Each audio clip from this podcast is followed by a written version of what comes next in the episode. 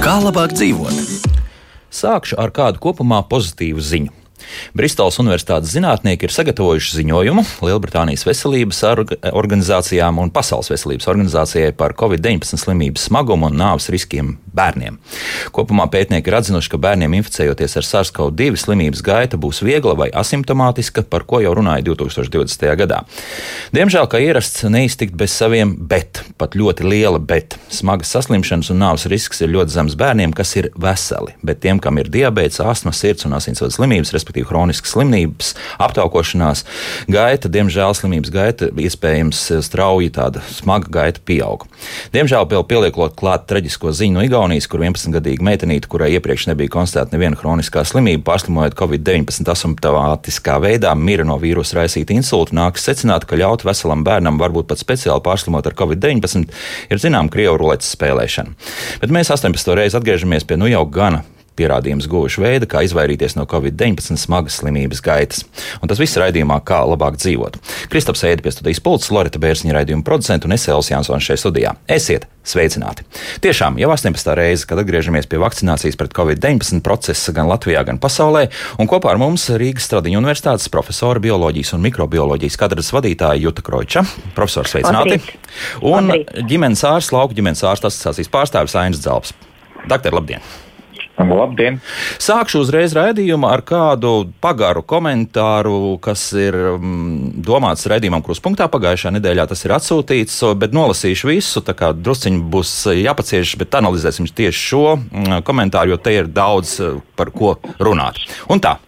Man ir 28 gadi. Strādāju profesionālajā izglītības iestādē. Vakar mums bija jāizpilda aptauja par vakcinēšanos, lai apzinātu situāciju konkrēti pa iestādēm. Es atzīmēju atbildi, ka aiziešu no darba, ja būs obligātā vakcinēšanās.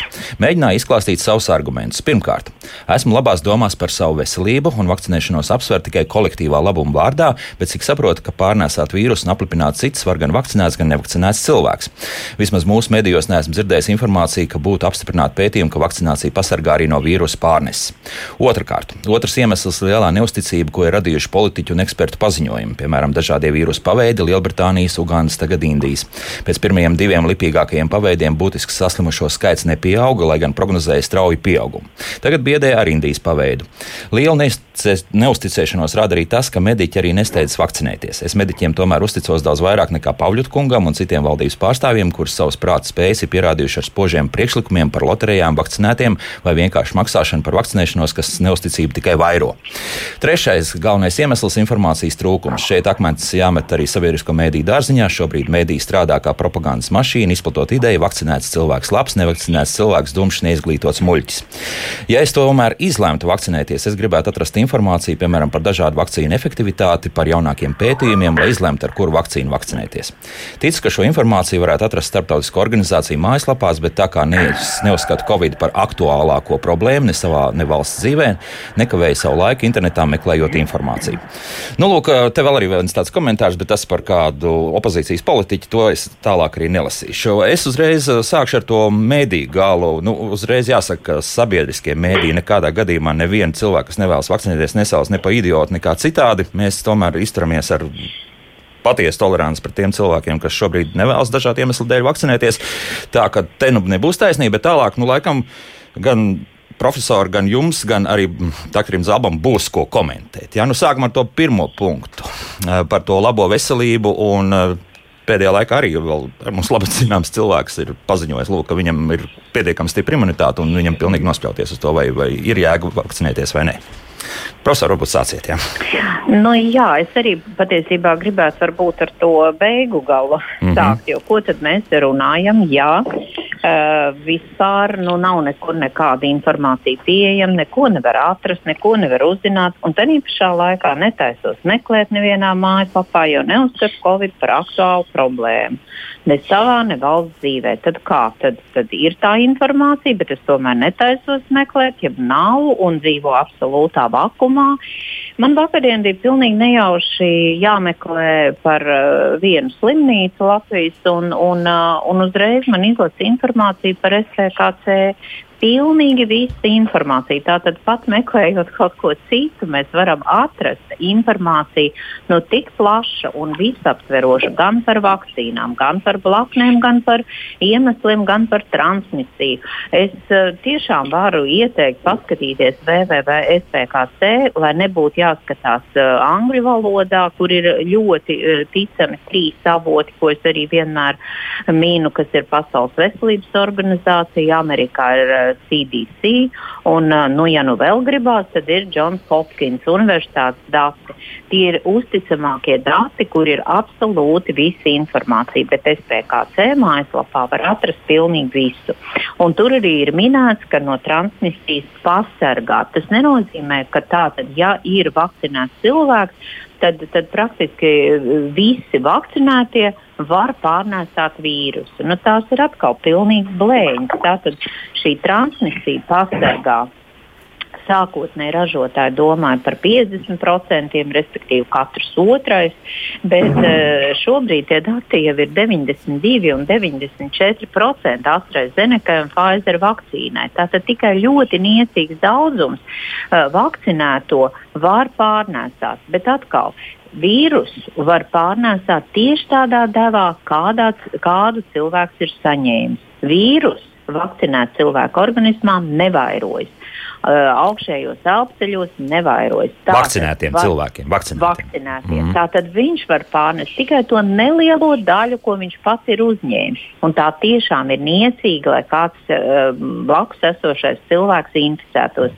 Tātad šeit strādā pasargā no transmisijas. Jā, ir niecīgs procents, kad, kad var pārnest bet nevar teikt, nav jēgas un tāpēc nav nekādas uh, vajadzības vakcinēties un tam līdzīgi. Mm -hmm. Un par šiem jaunajiem cilvēkiem, nu noteikti doktors Zelts papildinās mani, bet cik man tagad ir bijis pēdējos mēnešos, pusgadu laikā uh, sarunas dažādās auditorijās, tieši jauni cilvēki sūdzās par tā saucamo garo covid. Tagad tas jau ir iegājis arī uh, mūsu valodā un, un, uh, un sarunās garais covid. Tātad tie ilgtermiņa ilgtermiņa simptomi. Mm -hmm. Jauni cilvēki, 28 gadus veca sieviete ar atmiņas traucējumiem, miega traucējumiem, ko es minu jau gandrīz katrā raidījumā. Jauns vīrietis, kuram ir plaušu bojājums par 20-30% un tā tālāk un tā joprojām.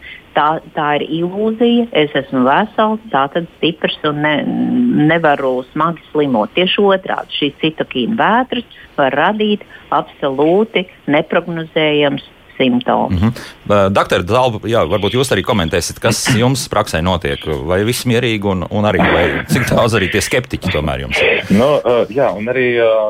Arī šī, šī aprakstītā situācija, ja, ko, ko, ko klausītājs ir iesūtījis un, un savu viedokli izsaka, ja, tas ir tāds šobrīd diezgan tāds tipisks viedoklis, ar ko saskaramies mēs ģimenes ārsti un savā ikdienā mēģinām par to runāt un, un skaidrot.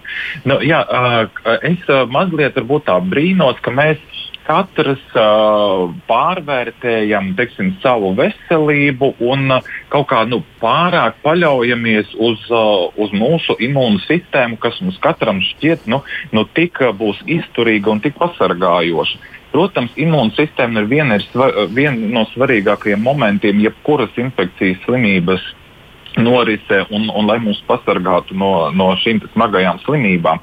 Taču es gribētu vērst uzmanību, ja, ka tā kopējos datos, ja mēs salīdzinām Latvijas datus uz Eiropas fona, mēs neesam tā veselākā nācija. Mēs esam, godīgi sakot, vieni no slimākajiem Eiropas kontekstā. Dzīvildze Latvijā ir viena no zemākajām jā, attīstītajās, jā, Eiro, jā, zemākajām šīm attīstītajām valstīm. Tādas ir asinsvadu slimības un mirstība agrīni no sirds asinsvadu slimībām, mēs arī esam Latvijā pirmajā vietā. Mēs esam Latvijā pirmajā vietā ar HIV saslimstību un izplatību. Mums ir tuberkuloze, mēs mēķējam maskustīgas dzīvesveids un virsvars. Es domāju, tā ir ikdiena. Un visi šie faktori, ko es nosaucu, šie nelabvēlīgi ietekmē gan mūsu imūnsistēmu, gan arī Covid-19 iznākumu. Tāpēc es gribēju teikt, ja, ka tāda dabīga imunitāte pret covid-19 jau nav. Mēs saslimt varam ar šo infekciju ik viens no mums. Un, kā arī teica profesori, tā slimības gaita nav paredzama. Un tieši jā, arī savā praktiskajā darbā es arī redzu, ka šie gados jaunie cilvēki, un it īpaši vīrieši, ja, kuri sevi uzskata nu, par, par, par tādiem superveseliem un neslimojošiem, kā izrādās tieši no Covid pietiekami smagi. Un tieši jā, šīs garās Covid gaitas, kas iet ar ilgstošu elpas trūkumu, ar sirdsklauzēm ar miega traucējumiem, un ar vienu starp citu vairāk parādās dati, kad šis covid ietekmē uh, un, uh, arī uh, šo te, uh, veģetatīvo nervu sistēmu, izraisa arī erektīlo disfunkciju. Nu, tā kā tas komplekts un tas, uh, tas uh, komplikāciju klāsts ir pietiekami plašs. Nu, tādēļ nu, teiksim, paļauties ja, tikai uz savu jaunību un, un to, ka līdz šim ir veicies un nav piemeklējušas kādas nopietnas slimības, uz to es aicinātu absolūti nē. Noteikti ir, ir jāizmanto šī vakcinācija, kas ir droša arī jauniem cilvēkiem. Un, jo tas cilvēks ir jaunāks, jo tie rezultāti ir attiecībā uz vakcināciju uh, lieliskāki, jo tā aizsardzības sniegtā ir, ir labāka. Ja? Mm -hmm. Tā kā nu, jāņem vērā, protams, veselīgs dzīvesveids ir ārkārtīgi svarīgs. Fiziskā aktivitāte, sabalansēts uzturs un, un protams, protams, vasarā, jā. Ja, bet tas nebūs tas vienīgais apstākļus, kas pasargās mūs no smagas slimības gaitas. Mm -hmm. Bet, profesor, varbūt mums tomēr Jā. ir kaut kāda dabiskā imunitāte, tas S proteīna, kaut kur šīs antivielas tomēr ir organismā arī pirms Covid-19, nu, tomēr saskaroties ar, ar tiem pašiem koronavīrusiem, kas ir krietni mm. vieglākā formā izslimot. Nē, tādas antivielas nav. Tas, tas ir pilnīgi citāds vīrus, citādi šie S proteīni. Un Latvijā mm, tika veikts pagājušajā vasarā un rudens pusē pētījums, kur pārbaudīja izvēles veidā cilvēkiem antivielu klātbūtni. Ir vai nav? Varbūt cilvēki pat nav zinājuši, nu, kā mēs bieži dzirdam, nebija simptomu un redz, man parādījās antivielas. Un veids tādu pētījumu. Jā, ir Latvijā cilvēkiem bijušas parādījušās antivielas bez simptomiem. Tātad iespējams, ka viņi ir pārslimojuši. Mm -hmm. Bet tas skaitlis nebija liels, bet tās ir tīri tikai un vienīgi specifiskās antivielas. Tā nav, ka mēs esam pasargāti. Dabīgā imunitāte nozīmē, ka mēs esam vispār pasargāti pret uh, jebkuru infekciju. Tā ir dabīgā. Neatkarīgi vai ienāk baktērija, neatkarīgi kāds vīrus ienāk, tā ir dabīgā imunitāte. Un bieži cilvēki to jauc, domā dabīgā pret covid. Tāda nav. Ir dabīgā pret jebkuru svešu uh, ierosinātāju, vai tā būs baktērija, vai tas būs vīrus. Mm -hmm. Es vēl gribēju vienu lietu pajautāt, jau vairākas raidījumus, neesmu pajautājis. Proti, arī tie radioklausītāji, kas mums gan zvana, gan arī raksta par to, ka nu, viņi ir izslimojuši, un, un šo antivīlu skaits viņiem ir tiešām milzīgs. Ar tiešām nozīmē, bet vienmēr mēs esam uzsvēruši, ka jāskatās pēc šī S proteīna. Kas ir šīs pārējās antivīlas, ko tad organisms ir izstrādājis cīnoties ar Covid-19? Uh, nu, vīrusam ir uh, apvalks un uh, to sauc par nukleokapsīdu. Pret katru šo proteīnu, kas ir apakā, tad apaugs veidots tāds kā no tādiem maziem ķieģelīšiem. Ķieģelīts pie ķieģelīša. Un tie vienkārši veido visu to apvalku. Un tā ir tā lielākā antivielu masa. Jo jāatcerās, ir viena lieta. Tie, kas ir pret vakcīnām un vispār noliedz vakcīnas, ir jāsaprot, ka katra uh, nu, tā saucamā um, ielas vīrusa, jeb tā uh, ierosinātāja, kas mūs inficē, pret to veidojās daudzkārt vairāk antivielas. Pret vakcīnu veidojas konkrēts antivielas. Pret jebkuru, es tagad nerunāju par covid vakcīnu, bet pret jebkuru. Vai tās būs masals, vai tās būs uh, masaliņas, vai kāds uh, cits ierosinātājs.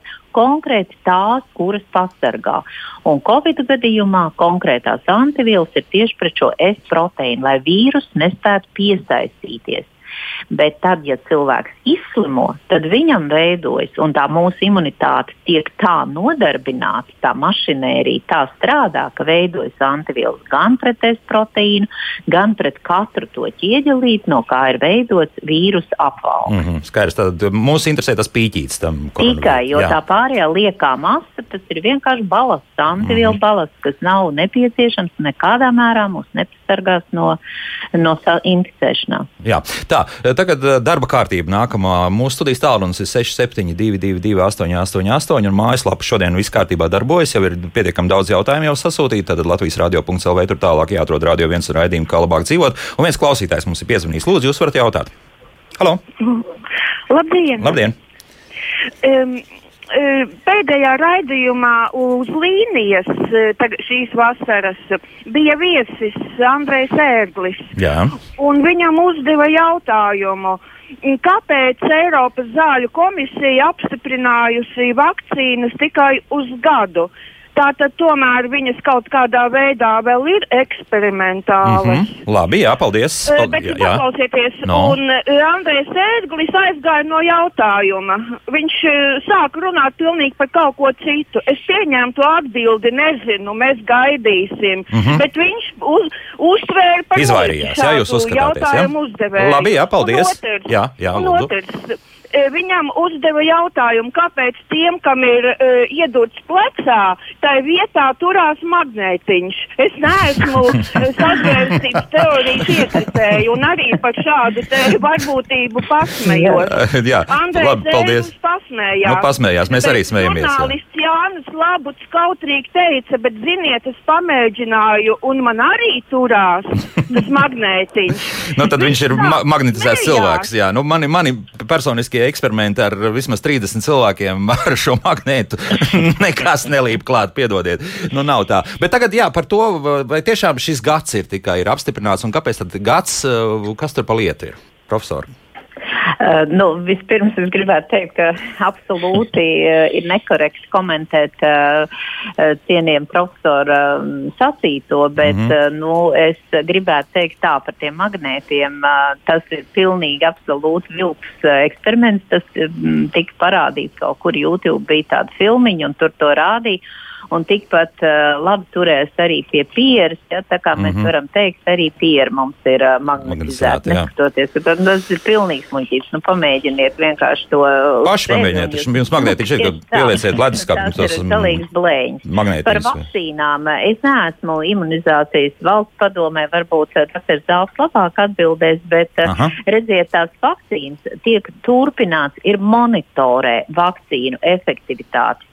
Uh, nu, daudzi antivakseri, vakar arī es vēl noskatījos tādu uh, filmiņu, kur uh, mēģina stāstīt tā, tad tā nav atzīta, nav izpētīta. Tieši -hmm. otrādi turpina vērot, kā būs pret jauniem variantiem. Tagad ir ne tikai šis delta variants, ir delta plus, ir lambda, ir kapa variants un ražotāji, vakcīnu ražotāji turpina uh, visu laiku skatīties, ir efektivitāte vai krītās efektivitāte. Ja krītās, tad ir nākamais jau vakcīnas paveids, kas būs efektīvs pret tiem variantiem. Tā nav uh, eksperimentālā daļa, ka tagad nu, kaut ko nezinu kaut ko pēc. Profesor, jā, un tagad jā, tad vai tā būs tā pati vakcīna vai tomēr tā tiks kaut kā tā modificēta? Jo šobrīd arī, ja, nu, vismaz uh, BioNTech jau ir tā ziņojis, lūk, ka nu, iespējams, ka tā trešā pota, kas dos desmitkārtīgi lielāku šo faktiski proteīna devu iekšās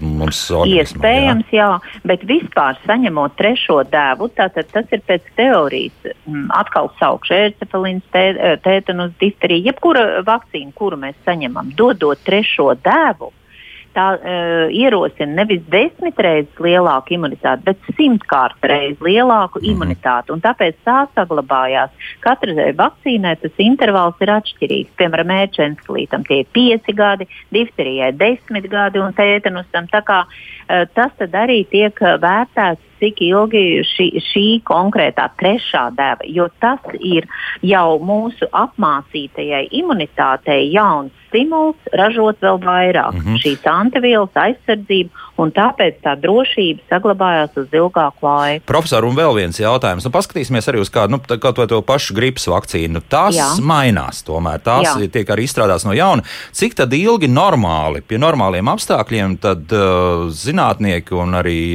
nu, pētnieki turpina šīs vakcīnas nu, teiksim, tā, uzmanīt un arī faktiski vākt šos datus par, par, par jau darbojošām vakcīnām, kas ir pārbaudītas un kas ir. Nu, gripas vakcīna, gripa vispār ir absolūti unikāla infekcija, pilnīgi atšķirīga no visām citām. Un ir speciāli gripas padome un visu laiku tiek vērots, kāds gripas variants izplatās un uh, pasaule ir sadalīta dienvidu puslodē un ziemeļu puslodē. Un ir tā labā ziņa tā, ka vispirms slimo dienvidu puslodē, un tad, kad jau zina, kurš vīrus izplatās dienvidu puslodē, tad pietiek laiks pārveidot to vakcīnu tādu, lai varētu jau ziemeļu puslodi pasargāt.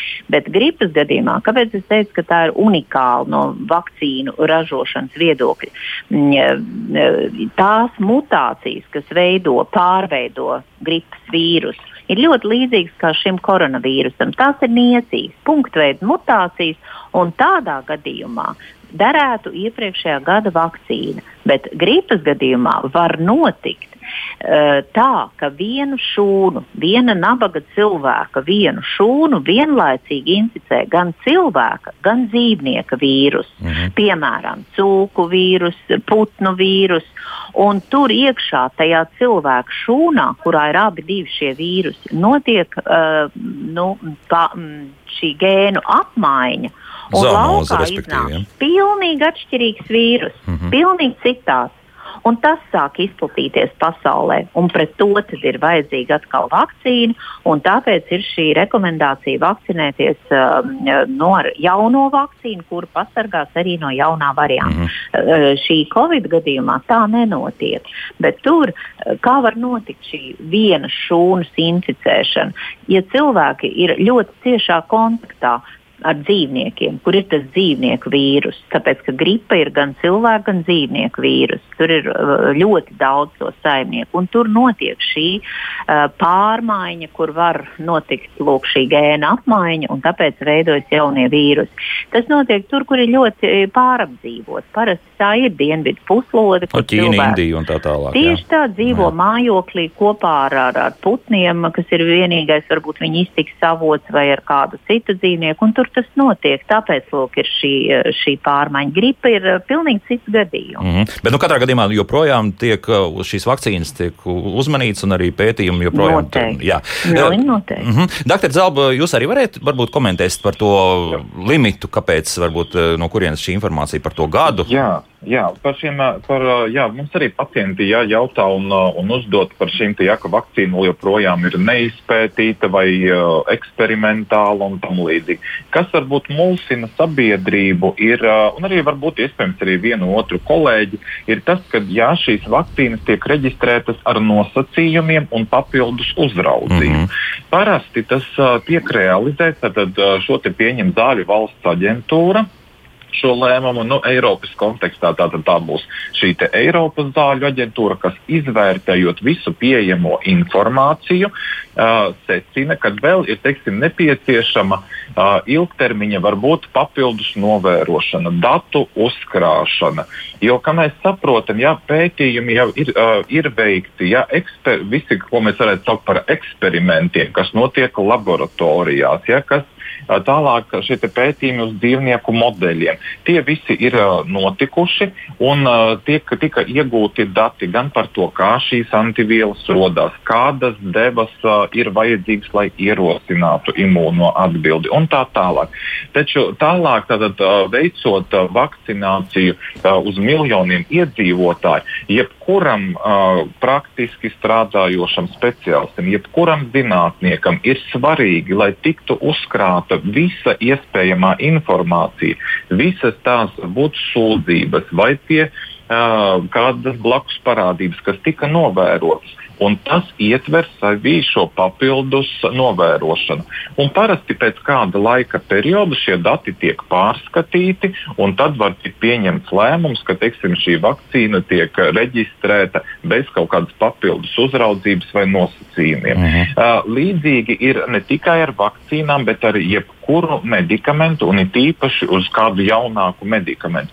Ja mēs paskatāmies, pieņemsim, nu, tipiski šāda papildus uzraudzība ir medikamentiem, kas tiek lietoti, pieņemsim, pediatrijā, bērnu aprūpē vai onkoloģijā. Jo, lai veiktu, teiksim, kādu pētījumu ar onkoloģiskiem slimniekiem, ilgtermiņā to skaits parasti nu, nav tāds nu, liels. Un tad ir svarīgi arī šis iznākums arī uh, klīniskajā praksē, vai tas ir līdzvērtīgs arī šiem pētījumiem, kas ir iegūti tādos kontrolētos pētījumos. Ja?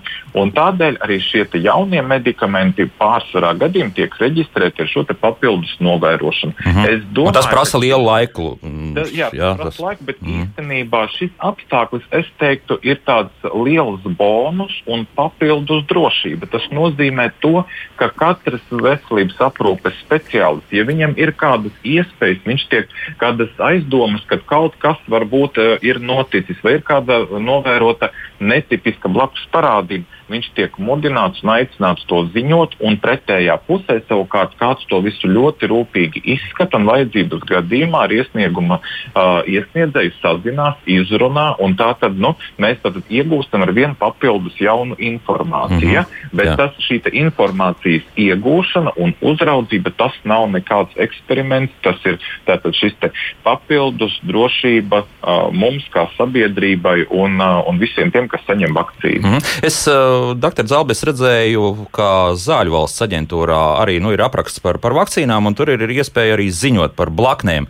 Nu, man kā vienkārši personai. Nu, man nav šo blakņu, bet, ja kādam ir, tad ir vērts arī pašam vienkārši rakstīt to, vai tas tomēr notiek caur ģimenes ārstu. Nē, nē, ir iespējams, ka to dara ģimenes ārsts, ir iespējams, ka to dara uh, uh, arī pats pacients. Tātad, ja uh, pacientam tātad šķiet, ka uh, viņš saņemot vakcīnu ir novērojis kādu uh, nevēlamu ietekmi vai kādu nevēlamu reakciju, ko viņš tā kā no, nebija cerējis sagaidīt. Ja, tad noteikti tas ir uh, jāuzraksta, šī situācija jāapraksta, un uh, tad šis iesniegums tiek reģistrēts.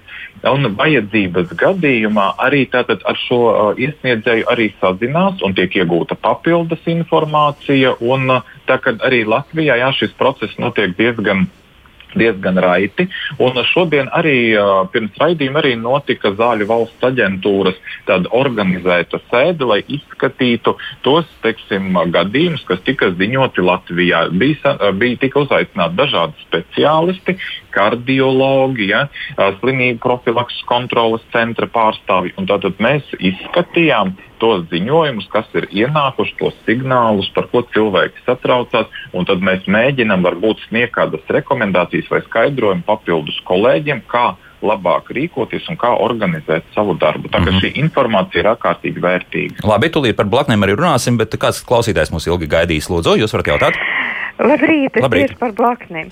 Nu, kā zināms, Pfizer vakcīna ir tā ražota, ka vīrusa genoms ir ietverts tādā tauku apvalciņā, un tad organisma imūnsistēma atpazīst tātad, šo vīrusa paveidu, mhm. un uh, imūnsistēma tātad ir spējīga darboties. Bet par šīm blakus parādībām, kā zināms, Pfizer vakcīna vienu devu saņēmu, otru devu saņēmu. Ja? Pēc tās pirmās devas nu, likās, ka viss attālinās, bet pēc pusstundas tas tā pārgāja, likās, ka apkārtne ir samtaina, varētu izstāstīt tās sajūtas tā. Bet pēc otrās vakcīnas bija tā, ka iespricēju tad nekas, pasēdēju 40 minūtes un atnācu mājās, bet uh, pašā vakarā un arī nākošajā dienā tad sākās. Burtiski tāds bezspēks, uh, ka nevarēju piecelties no gultas. Tas bija pirmajā dienā, ka gribējās tikai gulēt. Un e, tādā pusnomodā, bet nu, lasīt grāmatu varēju, bet tā sajūta tāda, ka nepārtraukt vajag dzert un ļoti slāpa. Un es skaloju tātad laukā šīs vietas, man arī doktori ieteica to darīt. Tad uh, otrās dienas vakarā es aizgāju uz veikalu, jā, bet es piespiedu to darīt. Un arī ļoti liels tāds vājums, bezspēks. Nu, un trešajā dienā tad es jūtu, ka viss uh, nokārtosies, ka paliks labāk.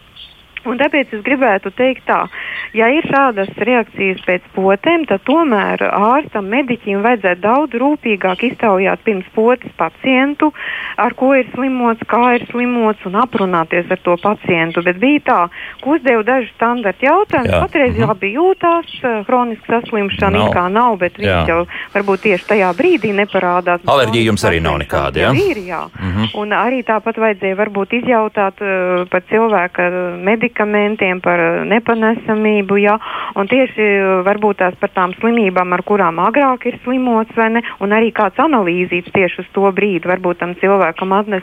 Tā kā es gribēju atzīmēt, ka ļoti ātri visi tas notiekās, un, un, un tur īpaši neko daudz skrupulozāk izpētīt. Jā, liels mhm. paldies! Jā, liels paldies! Jā. Vai tur kāds citokīna vērts, vai kas varbūt varētu komentēt? Labi, jā, tūlīt arī komentēsim. Jā, jā, jā. Mm -hmm. Vislabāk, paldies! Mm -hmm. Nu, lūk, starp citu, jā, par šo vājumu pēc Pfizer vakcīnām BioNTech. Man arī pāris arī draugi ir, ir teikuši, jā, ka tāds ir, un, un nu, tā jau pāri 50.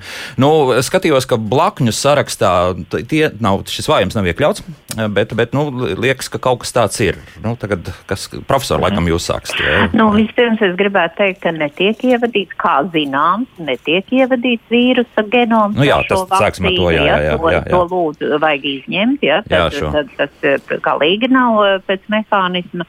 Otrs, tas ir eh, absolūti normāla parādība pēc vakcīnas. Uh, var būt Un tas ir tas, jau, ko cilvēki ir atzīmējuši gan Eiropā, gan pasaulē, gan arī, kā dr. Zelts teica, aicināt Latvijas iedzīvotāji teikt, un tā jau rodas tā uzskaita, kam ir galvas sāpes, kam ir nespēks, kam ir miegainība, kam ir paaugstināta temperatūra.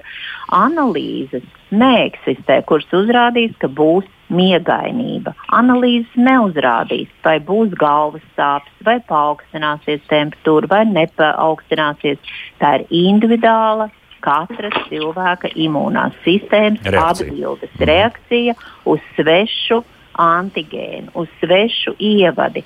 Arī, ja saņems kādu parastu vakcīnu, ko mēs eh, regulāri saņemam, vienā ģimenē vienam būs temperatūra, otram nebūs. Tas mhm. var būt pēc gripas vakcīnas, tas var būt pret ērčenskulīti, var nebūt nekas bet var būt arī šādas reakcijas. Un, kas attiecās uz miegainību, jums bija ļoti viegla imūnās sistēmas atbildes reakcija. Jo ir cilvēkam ir 38 grādu temperatūra, pat vairāk. Vienu, divas dienas. Tā kā tās ir reakcijas, kuras pieder pie normālas imūnās sistēmas darbības. Izprasīšana vai kaut kādas analīzes šeit absolūti neko nedos. Jo nedos, jā. vēlreiz mm -hmm. individuāla reakcija.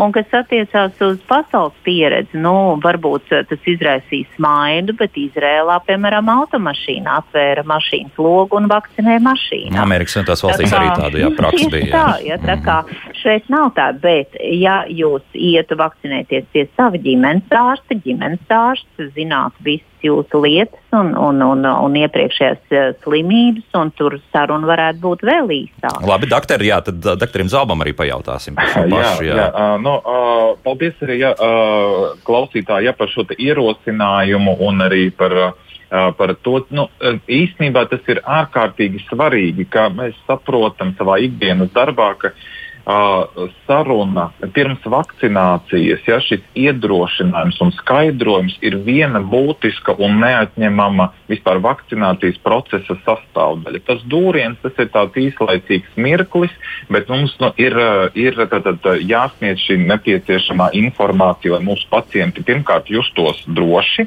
lai viņi saprastu to, nu, kādas šīs iespējamie nevēlamie notikumi vai kādas izpausmes viņas var sagaidīt, un kas vēl ir ļoti svarīgs arī, ko šajos brīžos darīt. Jo reizēm nav jātiek pateikts, ka jums būs nogurums, nespēks ar paaugstinātu temperatūru, bet ko ar to visu tad iesāka tiešām šī izpausme piemeklē. Absolūti pievienošos profesorai. Jā, nav īsti mums tāda varbūt ne papildus kāda analīze, nekāds izmeklējums, ko mēs varētu tā veikt un paredzēt, vai pacientam būs kāda, kāds notikums vai nebūs. Jo īsti arī nec pavadošās slimības, nec lietotie medikamenti īsti nekorelē ar to, nu, kāds, kā, kā mēs jutīsimies pēc vakcinācijas. Arī jāpieminēšu, man bija saruna ar, ar, ar kolēģiem no Itālijas, kas realizē vakcināciju šajos masu centros. Tiek, jā, tiek uzdot šie svarīgākie jautājumi, lai izšķirtu, ir vai nav kādas nopietnas alerģijas, vai pārliecinātos, vai nepastāv kādas absolūtas kontraindikācijas vakcinācijai. Un uz vienu cilvēku, lai nodrošinātu vakcinācijas procesu, tiek veltīts trīs minūtes. Ja? no, tā tad, ja, tad tur tiešām pastāv varbūt tā varbūtība, ka izrunāts nu, netiks absolūti visas nianses. Taču, jā, kā teica profesore, uh, un arī ko rāda arī aptaujas, uh, ka pacienti ļoti labprāt izvēlas vakcinēties sev zināmā medicīnas iestādē un pie sev zināmiem uh, ģimenes ārstiem un, un viņu ārstu palīgiem vai medicīnas māsām. Tad noteikti izmantojiet šo iespēju, sazinieties, iespējams, jau telefoniski pirms tam ir iespējams apspriest šos jautājumus, un arī vizītes laikā nu, mēs mēģināsim veltīt šo, šo brīdi sarunai un izskaidrot visus šos aktuālos jautājumus. Mm -hmm, skaidrs. Tā, vēl viens klausītājs. Tagad paklausīsimies, lūdzu. Jūs varat jautāt? Es medicīnas žurnālā lasīju un arī dzirdēju interviju, ka tas profesors, kas ir izgudrojis Pfizer vakcīnu, pats pateica, ka šajā vakcīnā ir ietverta tauku apvalciņā, un tam jājautā, kas tas ir, jā, jo tāpēc, ka tauku apvalciņā ir ietverts vai nu genoms vai vīrus, jā, neīsts. Nē, nē, nē, nē. Viņš Labi, tūlīt, jā, tūlīt, tūlīt profesori izstāstīs, jā. Varētu būt alerģija. Mm -hmm. Jā. Nu, tātad šajā tauka nanodaļiņās, lipīdu nanodaļiņās, tā teiksim, mm -hmm. ir ietverta informācijas RNS.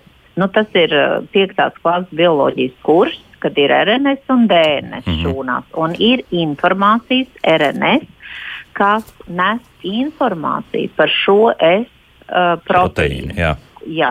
Un tas ir ietverts. Tur nav nekas ar genomu saistīts. Jo to es arī dzirdu, nu jau parādās šīs sazvērstības teorijas par gēnu terapiju un tam līdzīgi. Tas galīgi nav tas. Bet alerģija var būt tieši pret šīm lipīdu nanodaļiņām, un tam eh, nu, tas eh, ķīmiskais nosaukums ir polietilēna glikols, jeb PEG.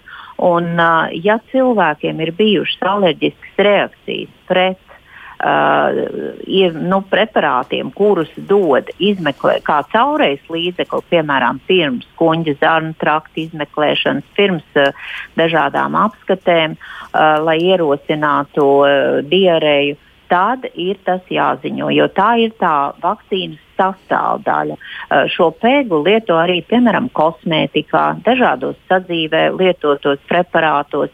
Tā kā principā pēgu lieto diezgan plaši šo polietilēnu glikolu, bet ja cilvēks atzīmē, ka viņam ir bijusi alerģija lietojot šos saulēs līdzekļus, tad noteikti par to ir jāpasaka pirms vakcinēšanās.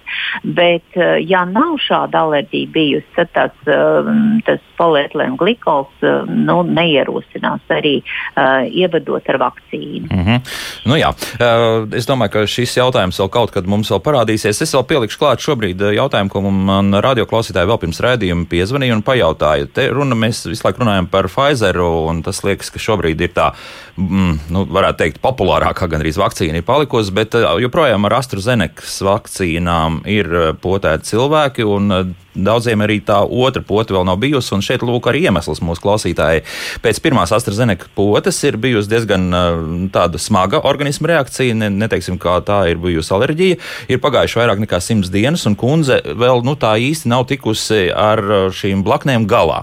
Ir bijusi pie ārstiem, un ārsti ir teikuši, ka ļoti iespējams, ka pat vajadzētu arī slimnīcā paviesoties vismaz kādu laiku, bet tas būtiskākais jautājums ir tas, ka nu, tā pirmā pota ir bijusi, tagad vairāk kā trīs mēneši pagājuši kopš šī laika, vai tas nozīmē, ka kundzei vajadzēs revakcinēties pilnīgi par jaunu, vai, vai tomēr pastāv kaut kāda varianta, tas saņemt arī šo otru potu, vai var, varbūt uzreiz pāriet uz Pfizer, pieņemsim, piedāvāto BioNTech poti? Jā, nu, uh, ir, uh, situācija ir uh, izklausās sekojoša. Uh, tātad uh, ir raksturīgi, ja mēs salīdzinām šīs mRNS vakcīnas un vīrusu vektoru vakcīnas, kā pieminēt šī AstraZeneca mm -hmm. Vakcīna, tad uh, arī gan pēc pētījumiem, gan arī kliniskā praksē mēs redzam to, ka ievadot pirmo devu šo vīrusu vektoru vakcīnu, šī imūnās sistēmas atbilde ir visspēcīgākā un visizteiktākā. Salīdzinot ar mRNS vakcīnām, tad pēc pirmās devas ir pašsajūta ļoti laba, ievadot otro devu, tad ir vairāk šīs muskuļu sāpes, galvas sāpes un temperatūras. Tātad tas, kas pacienti ir, ir piemeklējis, ir diezgan tipiska reakcija, ja, un šis nogurums, nespēks un temperatūras varētu būt tieši pēc pirmās devas. Otrajai devai šādas uh, nu, sagaidāmās blakus parādības uh, vairumā gadījumu nav raksturīgas, un, ja tāda ir, tad tās parasti ir viegla. Es ne, uh, negribētu saistīt ar to, ka šī vakcīna tādā ilgstošā laika periodā ir izraisījusi tādas nopietnas veselības traucējumus. Tie droši vien sākumā, pirmās uh, stundas, pirmās divas, trīs dienas, tās varētu būt saistīts ar vakcīnu, tālāk, tālāk diezgan vai. Bet, jebkurā gadījumā, šajā situācijā būtu jānoprecizē šie sliktās pašsajūtas iemesli, būtu jānoskaidro, jāmēģina tikt skaidrībā, vai tiešām mēs tur varam vainot šo vakcīnu pie, pie šīs pašsajūtas. Šis gadījums ir ieteikts pašai kundzei vai arī veselības aprūpas pakalpojumu sniedzējiem noziņot zāļu valsts aģentūrai, jo tā labā prakse, ko, ko arī ir ieviesusi aģentūra, viņi mēģina noskaidrot līdz niansēm šos apstākļus, un tad arī īstenībā beigās arī sniegt pat padomu, ja? uh mhm. -huh. vai uh, turpināt vakcinēties ar šo vakcīnu, vai tur tiešām ir pamats izvēlēties citu ražotāja vakcīnu. Uh, šajā gadījumā, runājot arī tad, ja ir ja jau izveidojies nu, zināms tāds iekavējumi šai vakcīnai, tā nav problēma. AstraZeneca vakcīnu mēs varam droši pagarināt līdz pat 16 nedēļām, tādi ir, ir šī brīža dati. Un tur nekāda tāda problēma attiecībā uz imunitātes izveidošanos nevajadzētu būt. Vīrusu vektoru vakcīnām turpat varētu teikt, jo, jo tas intervāls starplaiks starp pirmo un otro devu ir lielāks, jo īstenībā tā imūnā atbilde ilgtermiņā ir pat labāka nekā, ja mēs to sasteidzam un izdarām ātrāk. Tā kā kundze neko nav nokavējusi. Ja? Ne, mm -hmm. ne. Es uzreiz arī pajautāšu profesoru, vai kaut kas tomēr ir dzirdams par šo vakcīnu miksēšanu. Ik pa brīdim es arī to pajautāju, ka tomēr eh, pēc eh, šīm vīrusu vektoru vakcīnām varētu tomēr sekot šī mRNS vakcīna. Kādas ir jaunākās eh, vēsmas šajā jomā? Jā, tāda iespēja varētu būt. T ražotāji arī par to jau šobrīd domā. Īpaši te var minēt Lielbritānijas piemēru, tāpēc ka Lielbritānija pamatā lietoja AstraZeneca vakcīnu. Mm. Otra, kas bija plaši izmantota Lielbritānijā, bija Pfizer vakcīna. Un, uh, viņi jau arī skatās pēc tā, ka tagad pirmās devas divas bija ar AstraZeneca, un uh, ka iespējams, ja būs trešā nepieciešama, iespējams, par to vēl uh, nu, nav uh, skaidrs lēmums pieņemts, tad tā varētu būt Pfizer vakcīna. Tā saucās tā saucamās hibrīda vakcīnas, ka miksē vakcīnas. Tā kā sākumā, tad, kad uh, nu, vēl bija tikai tā pirmā informācija, tad strikt pieturēs pie vienas vakcīnas izmantošanas, bet tagad par to jau runā. Bet, uh, nu, es arī gribētu teikt, ka šī gadījumā vajadzētu sasaistīt, tomēr ir vai nav ar vakcīnu, un tomēr vēl nemiksēt. Bet uh, runa var būt tad, ja, piemēram, pēc pirmās Pfizer devas ir alerģija, tad gan piemeklē citu vakcīnu. Bet, ja nav konkrēti tāda saikne pierādīta uh, pēc vakcīnas, tad tomēr pagaidām vēl ar to nenodarbosies. Mm -hmm. nu, Uģis Lībijams, mūsu radio kolēģis, nu pat man parādīja, jā, ka Pasaules veselības organizācija saka, ka nevajadzētu miksēt. Tā, tāds ieteikums ir. Jā. Labi, tagad uh, viens klausītājs, lūdzu, jūs varat jautāt, un tad milzīgā ātrumā mēģināsim uh, izliet cauri tas, kas ir mājaslapā sarakstīts. Lūdzu, jūs varat jautāt. Halo! Halo, nu, laikam nesagaidīja. Tādā gadījumā tikai šobrīd pie tiem jautājumiem, kas mājaslapā mums ir pavisam, pavisam maz minūšu palicis. Tā, Anna jau pašā raidījuma sākumā mums uzrakstījusi šādi, vai nu esi vakcinēts vai saslims. Saslims tāpat nav variants, citēju vācu medicīnas doktoru. Nu, nav obligāti, jā, jāsaka uzreiz, laikam tā, ka, ja vakcinējies cilvēks, neobligāti saslims. Ja? Tad, laikam, jā. Nu, jā, es nezinu, kuru vācu uh, jā, nav, nav minēts konkrēts uh, jā, uzvārds. Es varu iedomāties, uh, uh, tas ir absolūti vīrusu noliedzējs. Nevis vakcīna, bet vīrusu. Viņš noliedz uh, masalu vīrusu eksistenci un sāk atsaukties un tas dažādām teorijām. Uh, nu, viņš ir populārs jau kā, kā nu, zināt, pseido zinātnieks, tāpēc es šeit pat negribētu to komentēt. Labi, jā, tad arī nekomentējam. Tas absolūti neatbilst patiesībai. Mm -hmm. Līgums raksta šādi: vakcin, vakcinēšos, ja būs pieejama vakcīna, kur der pret dažādiem arī jauniem vīrusu variantiem, un kurai nebūs jāievada vairāk par divām devām, nekādā gadījumā trīs. Um, nu, jā, tā tagad bija no, komentārs. Jā. jā. jā, tad uh, te no, ir. Tad mēs varētu līgai varbūt arī teikt, ka šobrīd to var arī darīt, var vakcinēties, jo no. dati, teiksim, MRNS vakcīnām šobrīd ir nepieciešamas divas devas, un pēc divu devu saņemšanas mRNS vakcīnu efektivitāte arī pret šiem jaunajiem, nosacīti jau jauniem delta variantu svārstās kaut kur virs 85, 88%. Nu, jābūt ir pabeigtam vakcinācijas kursam, mm. un šis nu, efektivitāte ir ārkārtīgi augsta. Es gribēju teikt arī jā, pret šiem jaunajiem variantiem. Tā kā mm. droši izmantojiet esošās vakcīnas. Nu, gan drusku, gan krītas tas procentiņš uz leju. Jā, jā. Uh, nu, es šorīt vēl atradu, ka Anglijas variants saka, ka pret deltu tas ir pagājušajā pagājušās nedēļas um, statistika par diviem procentiem efektīvāks vēl nekā pret sākotnējo variantu. Tā izrādās. Jā, nevar piekrist. À, jā. À. Tas ir viens, bet ko es gribēju vēl papildināt, tas kaut kā tā um, paslīdēja nu, daudzos, uh, daudziem cilvēkiem garām, un vispār es arī pati neatradu ļoti plašu informāciju, bet tā ir tik ļoti laba informācija, kas būtiski spārno cilvēku. Un tas bija SPKC ziņojums pagājušā nedēļā uh mhm. -huh. par pusgada pētījumu, cik cilvēki, kuri uh, Latvijā tika hospitalizēti, kur nonāca slimnīcā ar smagu vai, vai vidēji smagu saslimšanu, cik no viņiem bija vakcinēti un cik bija nevakcinēti. 97% bija nevakcinēti. Tātad patiesībā slimnīcā nonāca 3%, un tie bija konkrēti tas pētījums, sākās eh, nu, tā uzskaita um, hospitalizēto cilvēku no 28. decembra pagājušā gada, no pirmās dienas, kad pirmie ārsti saņēma vakcīnu. Un tie bija pār pa 11 tūkstošiem hospitalizēto cilvēku un no tiem 97% nevakcinēti. Vienu devu bija saņēmuši 3%, tie ir 322 pacienti. Un abas vakcīnas devas bija trim cilvēkiem tikai no šiem 11 tūkstošiem. Un kas ir interesanti, ka šie trīs cilvēki tika hospitalizēti citu iemeslu dēļ. Vai nu viņiem bija kāda blakus cita saslimšana, un viņiem taisīja testu testu. Un, un izrādījās, ka viņi ir. ir bet viņi mm. nebija hospitalizēti ar covid, bet tie nav mm -hmm. fantastiski rezultāti. Tie ir Latvijā. Mm -hmm. Tātad 11,000 cilvēku.